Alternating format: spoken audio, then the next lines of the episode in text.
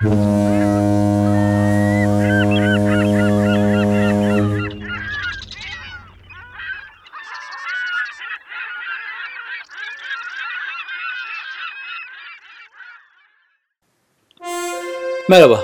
Salgın sonrası dünya acaba daha iyi bir yer olur mu diye düşünürken salgın giderek kalıcı, sıradan ve kanıksanmış bir hale geldi.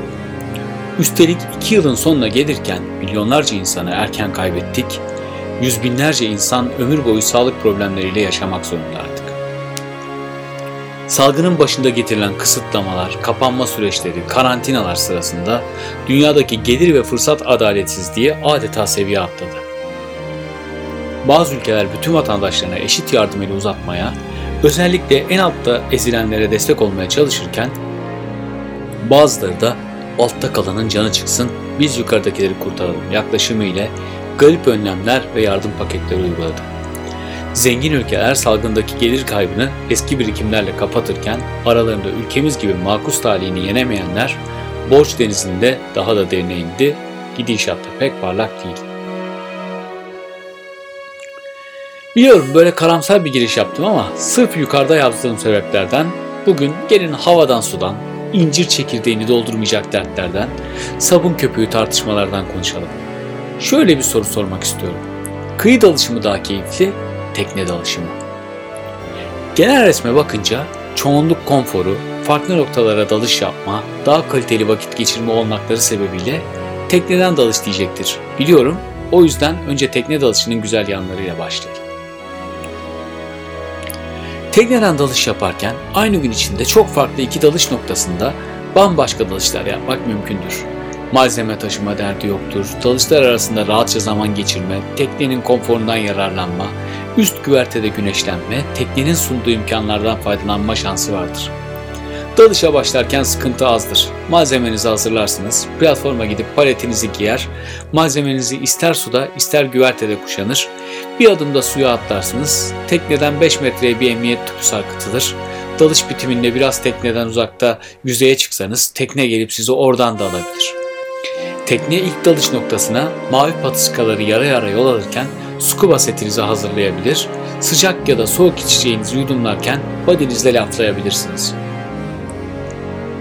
İki dalış arasında dalış bölgesi değiştirirken de yine tüpünüzü değiştirebilir, dalış ücretine dahil yemeğinizi yiyip teknenin tuvaletini, duşunu kullanabilirsiniz.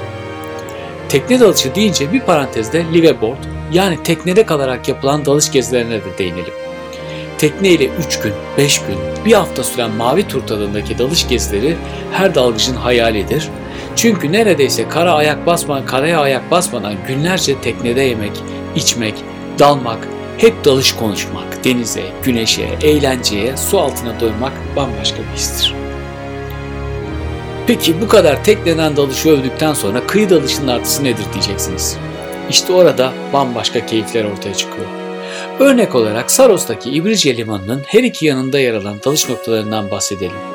Evet, İbrice'de özellikle limanın solunda kalan dalış noktalarına malzeme indirmek, hazırlık yapmak zordur.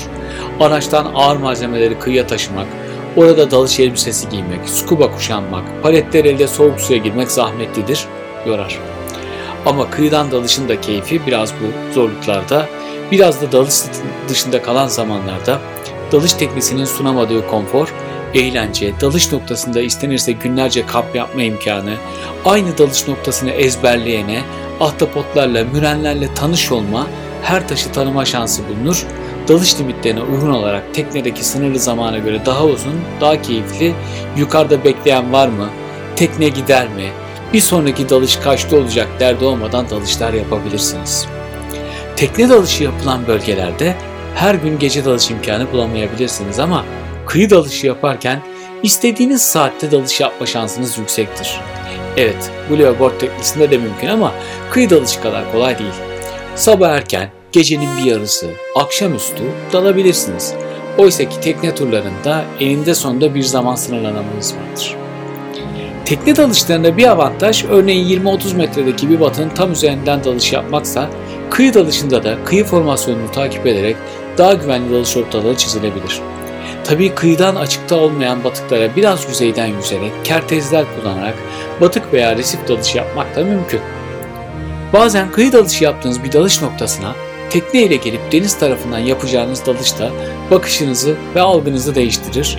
Ama bazı bölgelerde kıyıdan yapılan dalışın keyfi daha yüksek iken bazı bölgelerde teknesiz dalış yapmanın imkanı yoktur. Sonuç olarak benim için tekne dalışı ve kıyı dalışının ayrı ayrı güzellikleri var. Ben dalayım, bana yeter.